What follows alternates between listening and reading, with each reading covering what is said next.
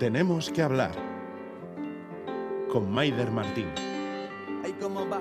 Dime, chaval, ¿cómo va? ¿A quién le ha tocado tu parte? ¿Quién será el primero en disparar? ¿Y quién controla? ¿Quién maneja la bola? ¿Cuánto durará el paseo? ¿Quién puede parar la zona?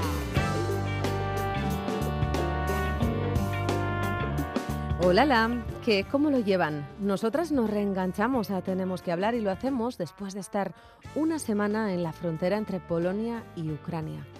Ahí las fronteras son brechas, cicatrices, siempre muy dolorosas, más aún cuando tienes que cruzarlas de manera forzada. Por esto mismo, para mirar a donde duele y entenderlo de manera mental y emocional, les propongo regresar ahí. El objetivo es poner mirada y voz a las personas refugiadas, mujeres y niños y niñas en su mayoría. Son ya 3 millones de seres humanos los que han abandonado Ucrania. Más de 1,7 millones lo han hecho por Polonia.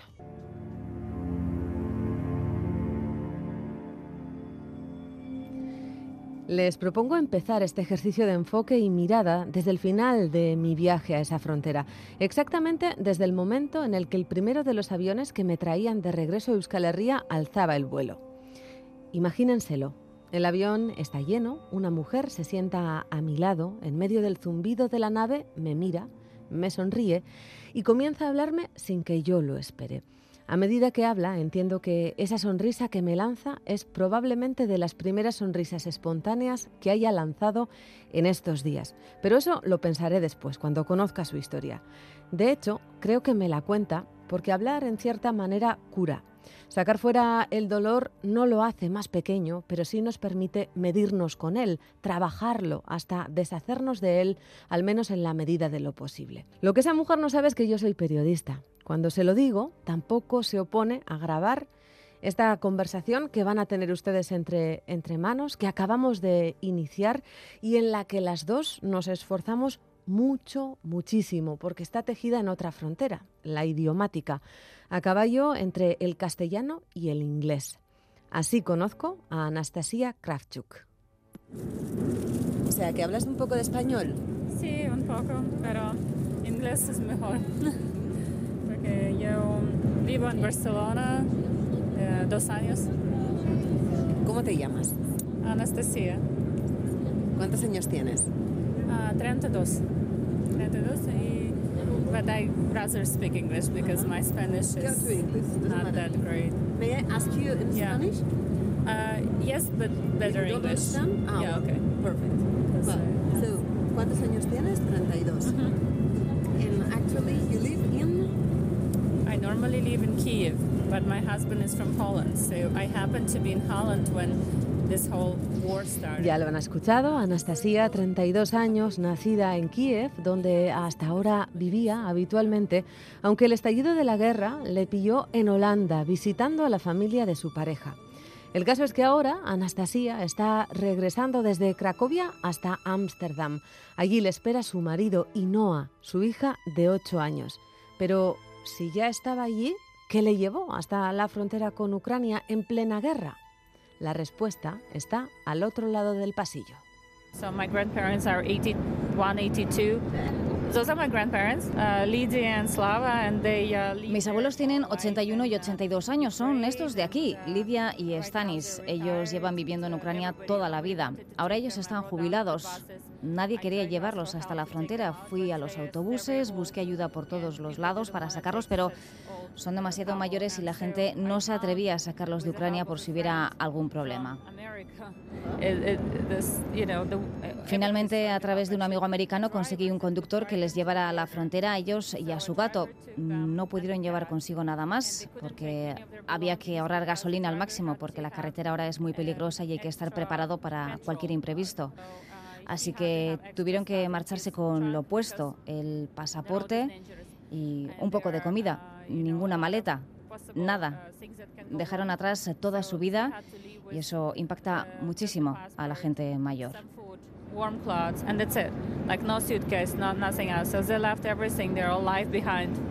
And that matters a lot for elder people, you know, when you have to leave your home and everything you had.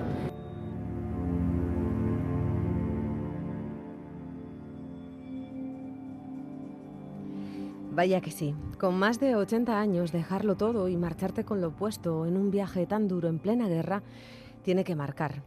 Miro a los abuelos de Anastasia y les sonrío desde el otro lado del pasillo. Ellos me devuelven esa sonrisa sin decirme nada. Pero Lidia, la abuela, aprieta todavía un poco más fuerte la bolsa de viaje en la que lleva a Nika, su gata. En general, los conductores que trasladan a las personas que tratan de salir de Ucrania no quieren llevar a mayores por los riesgos que esto comporta. Anastasia sabía que en el caso de su abuelo era todavía un poco más complicado lograrlo porque está enfermo de cáncer. Por eso decidió dejar Holanda, viajar a Polonia y desde Cracovia gestionarlo todo. Lo primero, buscar el punto fronterizo por el que menos se tardaba en cruzar. En la frontera entre Polonia y Ucrania son siete. Lo encontró en Ugriniv.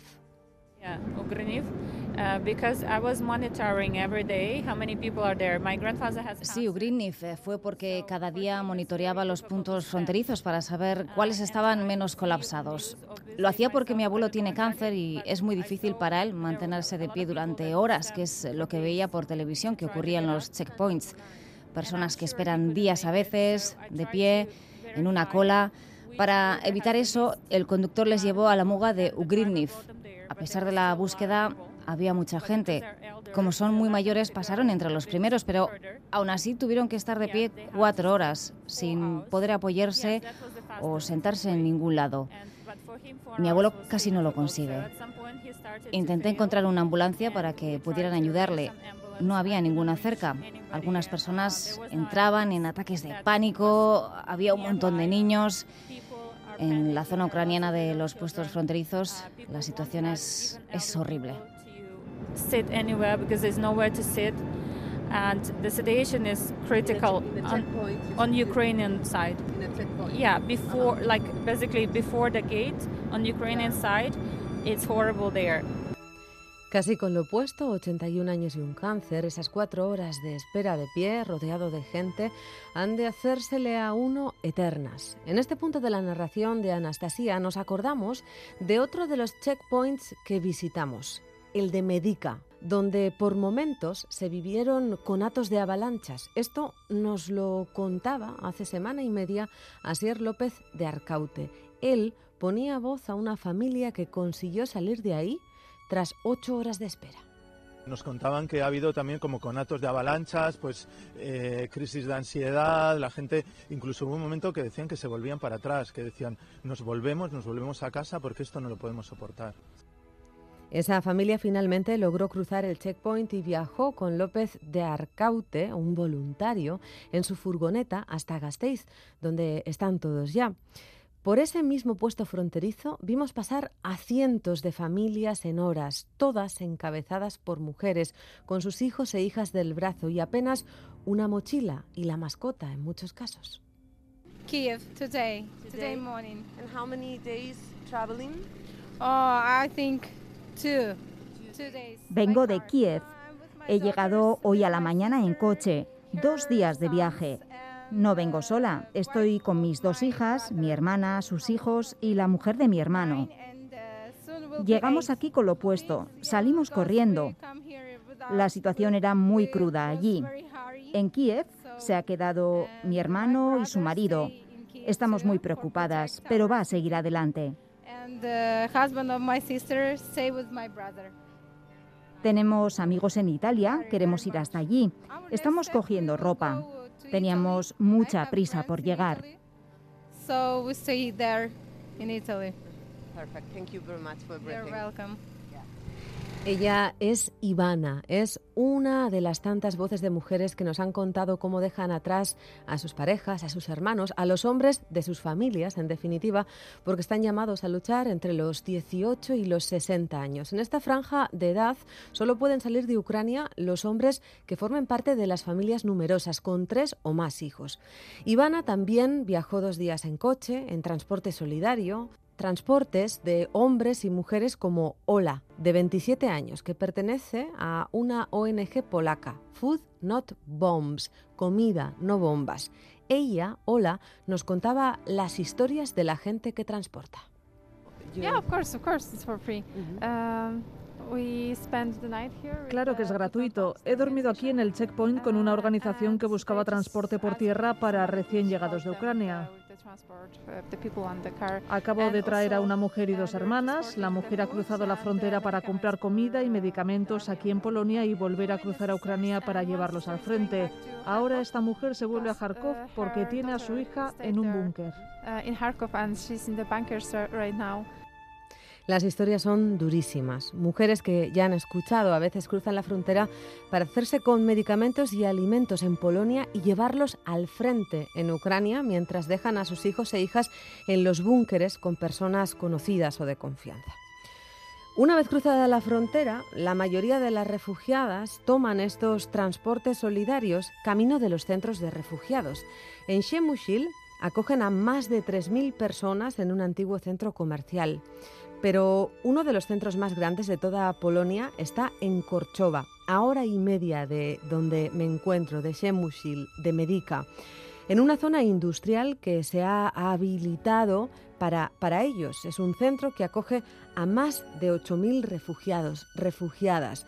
Entrar en uno de estos lugares es escuchar, sobre todo, el rumor silencioso y tenso de quienes esperan salir cuanto antes de allí. Es escuchar el rumor de cientos de niños que esperan formales con sus madres y abuelas. Y a las personas de la organización. Decenas de voluntarios que se desplazan por los pasillos con sus chalecos naranjas dando instrucciones, megáfono en mano. Entre tanto, las refugiadas descansan en hamacas que abigarran los pasillos o van a conseguir su identificación para poder tomar un medio de transporte que les lleve a donde quieren ir.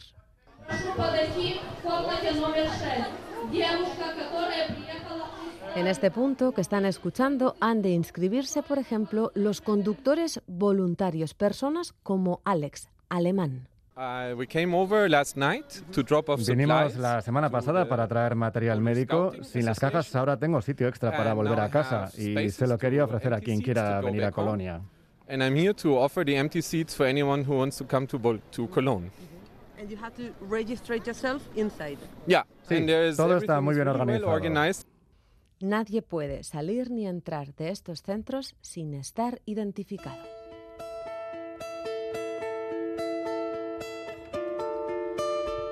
Los recuerdos de un viaje tan intenso como este me llevan y me traen en mi charla con Anastasia. La recuerdan, ¿verdad? Es la joven del avión. Le pregunto por qué sus abuelos no se inscribieron en uno de estos centros para los refugiados. Did not want them to do that because uh, as I, it's very not clear now with all this situation that's happening how the procedure is going to go. No quería que ellos hicieran eso porque todavía no está muy claro cuál va a ser el procedimiento para los refugiados. La Unión Europea está buscando la manera de tratar esta situación de forma unitaria entre todos los países. Cuando estábamos en Polonia no nos quedó claro a dónde vas una vez te registras como refugiado. Después van a los centros habilitados y esperas, pero eh, luego, ¿a dónde van? Uh. Yo quiero que vengan y estén conmigo en Holanda, que es donde está mi marido y donde me espera mi hija. Les quiero cerca de mí. Es mi familia, no les puedo tener lejos. Así que vamos a Ámsterdam y allí vamos a enterarnos eh, cómo funciona el sistema. La gente holandesa es también muy amable. Están muy preparados para brindar ayuda, dar a mi abuelo la asistencia médica que necesita. Y a partir de ahí, el mayor sueño que tenemos es volver a Kiev, a casa, cuanto antes. Uh, from that moment, the best hopes we have is that we can go back home as soon as possible. От без зараз у садок, та йде завжди холодок, ще не зів'янутих квіток. Otra mujer que no quiere abandonar su país es Kola, con K. Este es su nombre artístico. Ella es una conocida joven cantante ucraniana con miles de seguidores en Instagram y en Spotify. La primera vez que nos cogió el teléfono lo hizo desde un búnker en Kiev.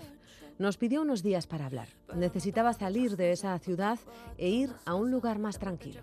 I'm uh, right now not in Kiev. I'm in western uh, side of Ukraine, uh, in a small village, um, in a uh, in a um, house of people. Uh, Ahora no, no estoy en Kiev, estoy en el oeste de Ucrania, en un pequeño pueblecito en casa de unas personas que no conozco y que nos han prestado un apartamento cerca de su casa.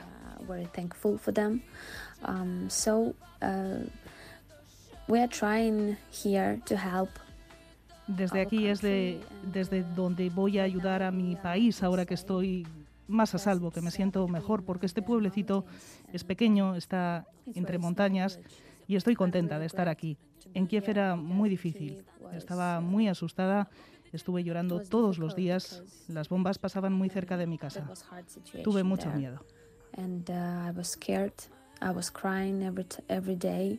Uh, I heard the bombs uh, near to my house. It was uh, it was very scared. A pesar del miedo, a pesar del llanto, lo que tiene claro Kola a sus 23 años es que no se irá de Ucrania. Se quedará con su pareja, llamado a hacer la guerra por la ley marcial. Ella se ha sumado a los grupos urbanos que suministran alimentos, medicinas y cualquier cosa que haga falta en los puntos calientes. Now I'm volunteer. I'm trying to help our people uh, who needs uh, that help so much right now. Um, I'm, Ahora uh, soy voluntaria, trato de ayudar a nuestra gente que necesita toda la ayuda del mundo. Soy conocida, así que recojo dinero por Instagram y lo gasto en lo que necesite el ejército. Compro la poca comida que hay en los supermercados y llevo lo que necesiten a los puntos calientes, a Kiev, a Kharkiv. Y bueno, también canto y trato de darles ánimo con mis canciones. etc. Also, I'm uh, singing as well. I'm uh, trying to support our people by my songs. Canciones como esta. Дайте завжди холодок, ще не зів'янутих квіток до Cada escucha en Spotify, cada visionado de sus videoclips en YouTube es dinero que dona. En su discurso, Kola habla de la bravura de la gente que permanece en Ucrania y desde su voz dulce, dulcísima, ya la han escuchado casi de niña, arroja dos visiones contrapuestas que se evidenciaron en todas las personas con las que hablé durante mi viaje en Polonia. Por un lado, que Zelensky es casi un héroe para los ucranianos, el sentimiento nacionalista se ha acrecentado de manera evidente, y por otro lado, que esta guerra que lleva latente desde 2014 ha despertado también un fuerte sentimiento antirruso. super uh, person. Uh, it's our president, and we all believe. Nuestro presidente es una superpersona, todos creemos en él, gracias a él todos los ucranianos estamos luchando juntos. Es increíble. It's incredible, really. I'm happy that I'm Ukrainian. I'm happy that I Estoy contenta de ser ucraniana, de vivir en este país, por eso haré todo lo que pueda por defenderlo. Es bello y es mi hogar. Um, because it's beautiful. This is my home. Y lo del sentimiento antirruso que les decía se evidencia claro en la figura de Vladimir Putin. He's extremely confident in himself. He thinks he's Messiah, Messiah. Es extremadamente confiado en sí mismo, se siente un mesías o algo por el estilo. Es difícil entender qué quiere, no lo sé. Parece que no quiere a la OTAN cerca de sus fronteras, pero quizá lo que quiera es volver a la época de la URSS. Sea lo que sea, no está en sus cabales. Nos está enfrentando y no hay vuelta atrás. No NATO, but at this point, I think he just went nuts. You know, like he's crazy by, by the time because there is no way back. What he's doing now, he's Con otra mujer que nos venía a decir lo mismo, pero con más experiencia, desde la experiencia, porque tiene 73 años, nos encontramos unos días antes, en la estación de Shemushil, al norte de Polonia. Una estación desde la que los refugiados ucranianos pueden viajar gratis a cualquier lugar de Polonia. Ella es Irina. Если мы были освободителями, в 41 Putin tiene una ideología y un objetivo muy claros, volver a la Unión Soviética devastando Ucrania. Lo que no entiendo es cómo una sola persona está manipulando y condicionando el pensamiento de millones de personas. Es una locura en el siglo XXI. Фикс. Esta sensación antirrusa no solo ha crecido hasta hacerse gigante en Ucrania, también lo ha hecho en Polonia, que de manera evidente ha ido militarizando más y más su frontera con este país y donde entre la ciudadanía el sentimiento antirruso casi se puede tocar.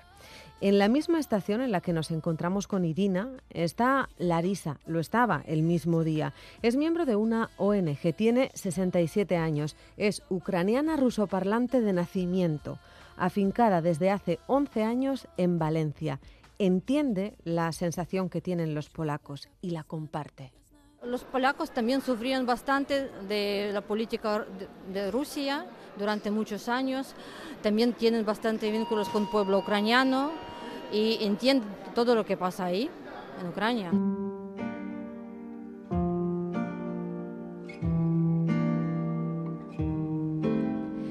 La guerra ha incrementado estas densas sensaciones de odio y desprecio. Se han sumado las interpretaciones y reinterpretaciones del pasado, enconadas.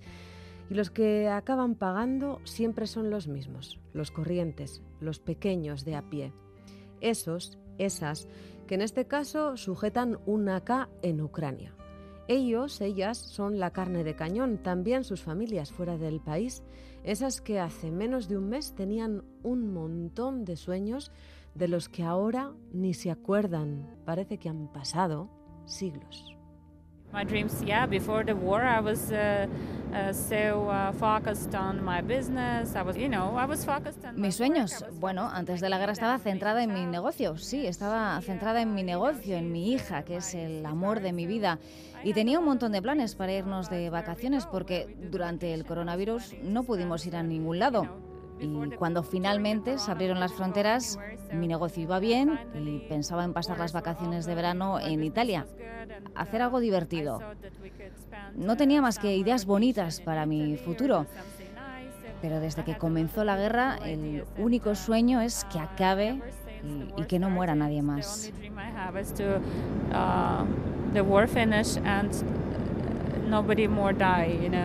Su realidad ha dado la vuelta.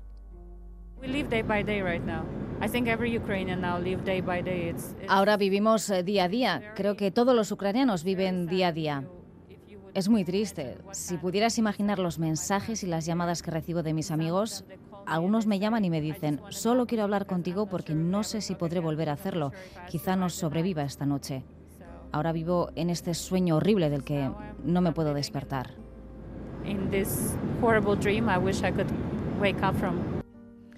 De momento el objetivo es recontinuar como sea, agarrarse a la resiliencia humana y hacerlo con sus abuelos y su hija, también con su pareja en Ámsterdam. Y quién sabe si un día... Queremos regresar a casa. Esta es una situación entre la vida y la muerte, pero en cuanto sea seguro, nada nos va a hacer más felices que volver a casa.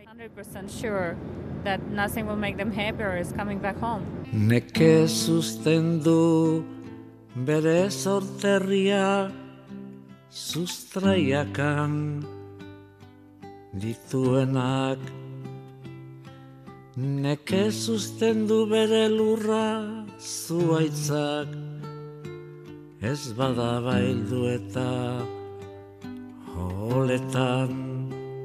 Estas son historias de frontera, desplazamientos forzados, forzosos, que se repiten, sí, entre Polonia y Ucrania día tras día, pero también entre Ucrania y Bielorrusia, Rusia, Eslovaquia, Hungría, Moldavia y Rumanía. Vámonos hasta allá, hasta uno de los aeropuertos de Rumanía. Laida Basurto, ¿cómo estás?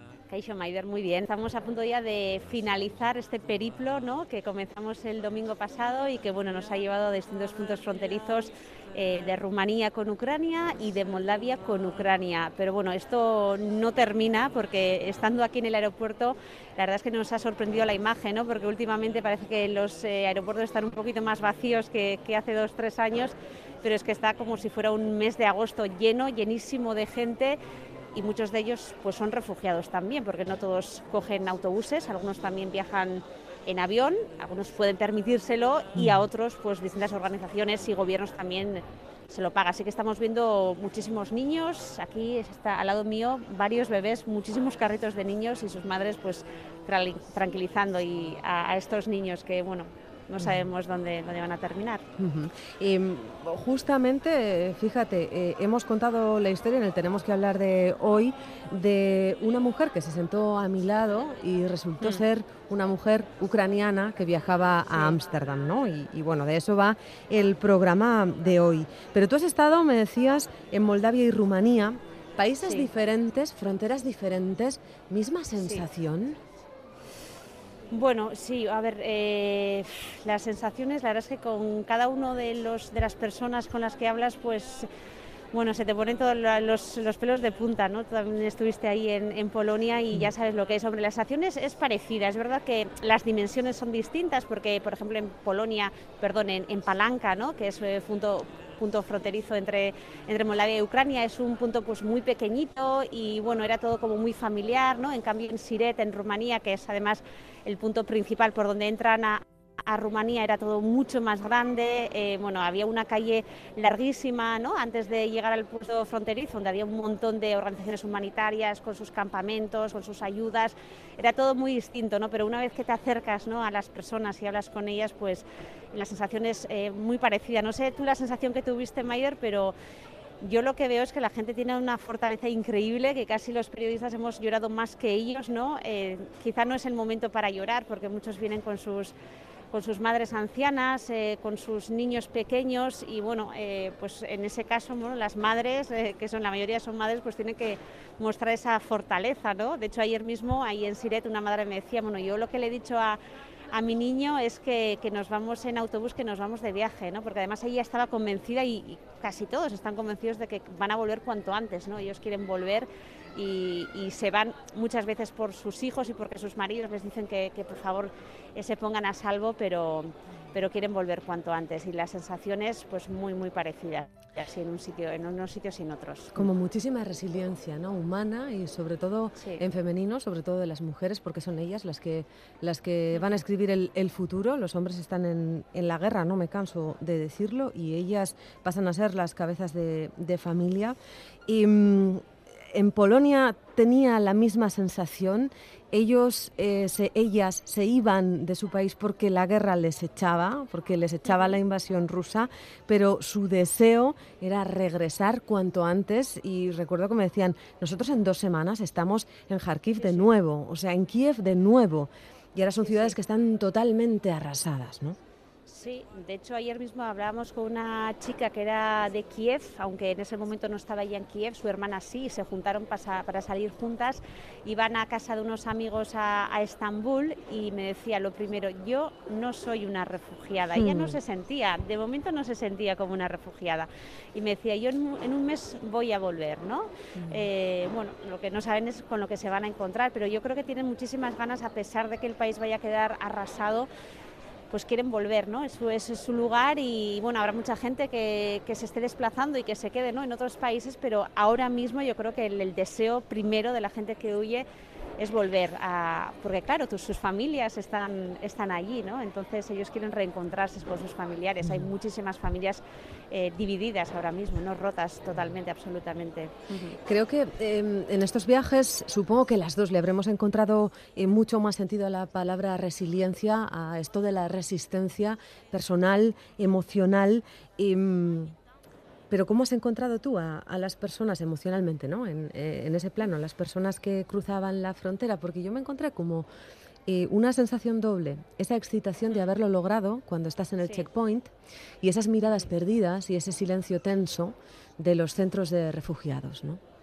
Sí, sí, bueno, eh, la verdad es que ha pasado ya, claro, desde que tú estuviste, yo creo que han pasado unas, unos cuantos días eh, y a lo mejor al principio me imagino que la gente quería, no, los que huyeron al principio son los que tenían claro que querían huir, ¿no? Ahora los que están huyendo, eh, bueno, algunos lo, antes lo decía, ¿no? Lo hacían igual a lo mejor por sus hijos y demás y otros porque, vamos, ya no podían más, ¿no? Porque nos encontramos con una señora que estaba con su madre anciana en una silla de ruedas, eh, imagínate, ¿no? La situación.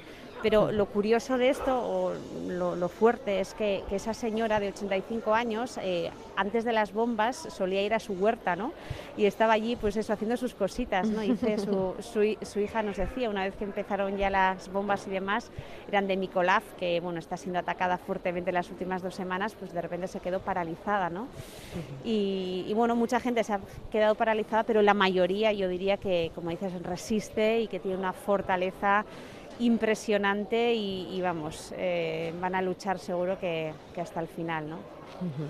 No sé cómo se cuenta esto luego en la familia, Laida, cuando vuelvas, ¿no? Que tú Pues tienes yo de hijos. momento, sí, tengo hijos, les he mandado fotos, eh, no me han contestado mucho a las fotos, Eh, no hemos tenido mucho tiempo para hablar porque ya sabes que las jornadas eh, son muy intensas, Sí. sales a las 7 de la mañana y hasta las 10, 11 no vuelves a lo Sí, mejor al hotel. Y porque hay muchas, mucha distancia ¿no? para ir de un sitio a otro, nos hemos movido bastante y, y es que no, no, no había tiempo. Eh, te diría que he hablado una vez Mm. con ellos, o sea, Mm. una vez por teléfono, porque claro, eh, llegas al hotel y a lo mejor tienes que dejar las únicas para el día siguiente y demás.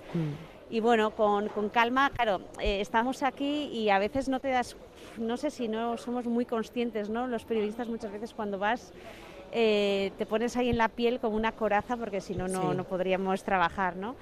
Si no, nos imagino que morimos. Sí, sí. nos mor- sí, sí, sí, sí. Y claro, y- yo la verdad es que he llorado poco, la verdad, ¿eh? O sea, Mm. que hay gente que igual, pero yo en ese momento pues, estás a trabajar y a recoger las historias y a, y a contarlas lo mejor posible y, y tratar de trasladar esa esencia de, de lo que tú captas, pero igual no eres tan consciente de, de la gravedad de la situación, de la gravedad de la dureza, ¿no? De lo que les está ocurriendo a todas estas personas, que las ves además como muy iguales a ti, ¿no? O sea, es una tontería y, y bueno, pero, pero es que son vecinos nuestros, ¿no? Y siempre lo que ocurre cerca de ti, pues te, te toca más, ¿no? Y ves personas, pues hablas. Yo soy eh, actriz eh, de ópera, estuve en Canarias y en Badajoz cantando y además te canta, ¿eh? O sea, es que además te canta, de- vamos, con una sonrisa. Eh, ves a una traductora que sabe cinco o seis idiomas y, bueno, pues eh, gente universitaria, eh, bueno, de todo tipo, ¿no? Pues igual que, que nosotras y nosotros, ¿no? De nuestros vecinos, nuestros familiares. Y te sientes tan identificado, la verdad. Entonces, bueno, me imagino que cuando volvamos a casa, pues eh, ese pozo, ¿no? Que irá quedando ahí y seremos más conscientes de de lo que está ocurriendo. Imagine que esas lágrimas que de momento no hemos visto, ¿no? Se verán más, eh, lo veremos más en Euskadi, ¿no? Cuando, cuando ya llevemos un tiempo allí, lleven un tiempo, ¿no? Los refugiados allí, a lo mejor no vuelvan, hablemos otra vez con ellos y, y entonces me imagino que ese bajón les, les entrará un poco dependiendo también de de cómo estén sus familiares allí, de cómo evolucione la guerra, de cuánto tiempo no tengan que estar fuera, un poquito dependerá de todo eso, ¿no? Pero, pero es muy duro, sí. Bueno, pues eso que nos solemos tener los periodistas, paciencia, tiempo al tiempo, es lo que toca ver cómo evolucionan todas las personas con las que has podido estar y habbar. Laida Basurto, y si toca llorar, pues que sea ya cuando una está en casa. ¿eh? Eso es, eso es, ahí en la habitación. Qué recasco, Maider. Bai, besarkada handia handi bat. Berdin, musu Gracias por el agur. trabajo, beste bat. Agur. Agur, agur. Sustendu bere lurra zuaitzak Ez bada baildu eta Holetan Ez du niniak begia edo Pues hasta aquí un programa tejido con palabras heridas, heridas de guerra.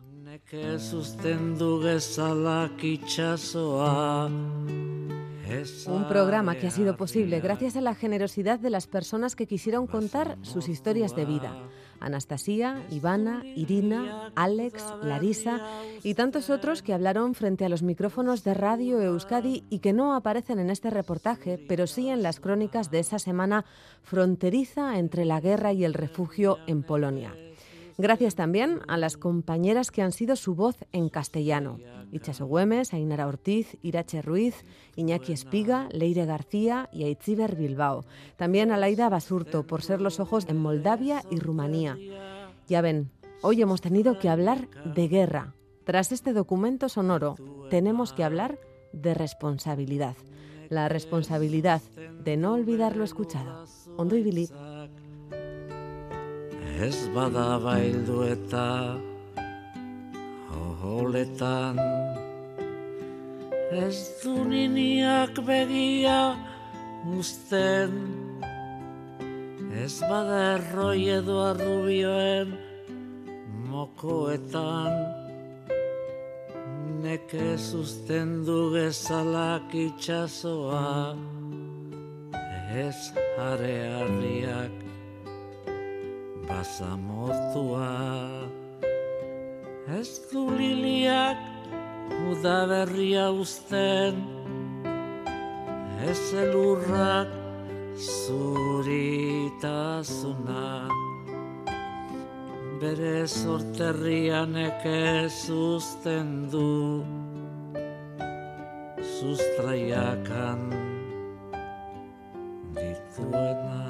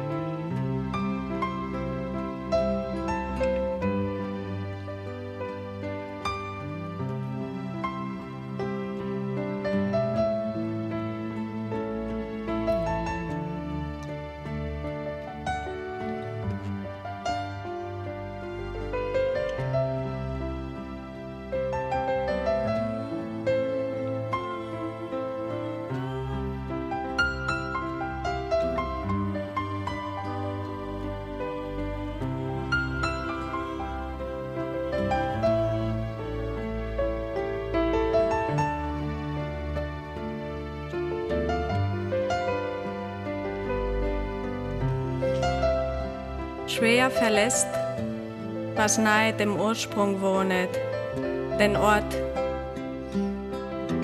Difícilmente deja su tierra el árbol, solo cuando lo abaten y lo hacen tablas. No deja la pupila el ojo, solo en los picos de los cuervos y los alacranes. يصعب على من له جذور هناك أن ينسى مسقط رأسه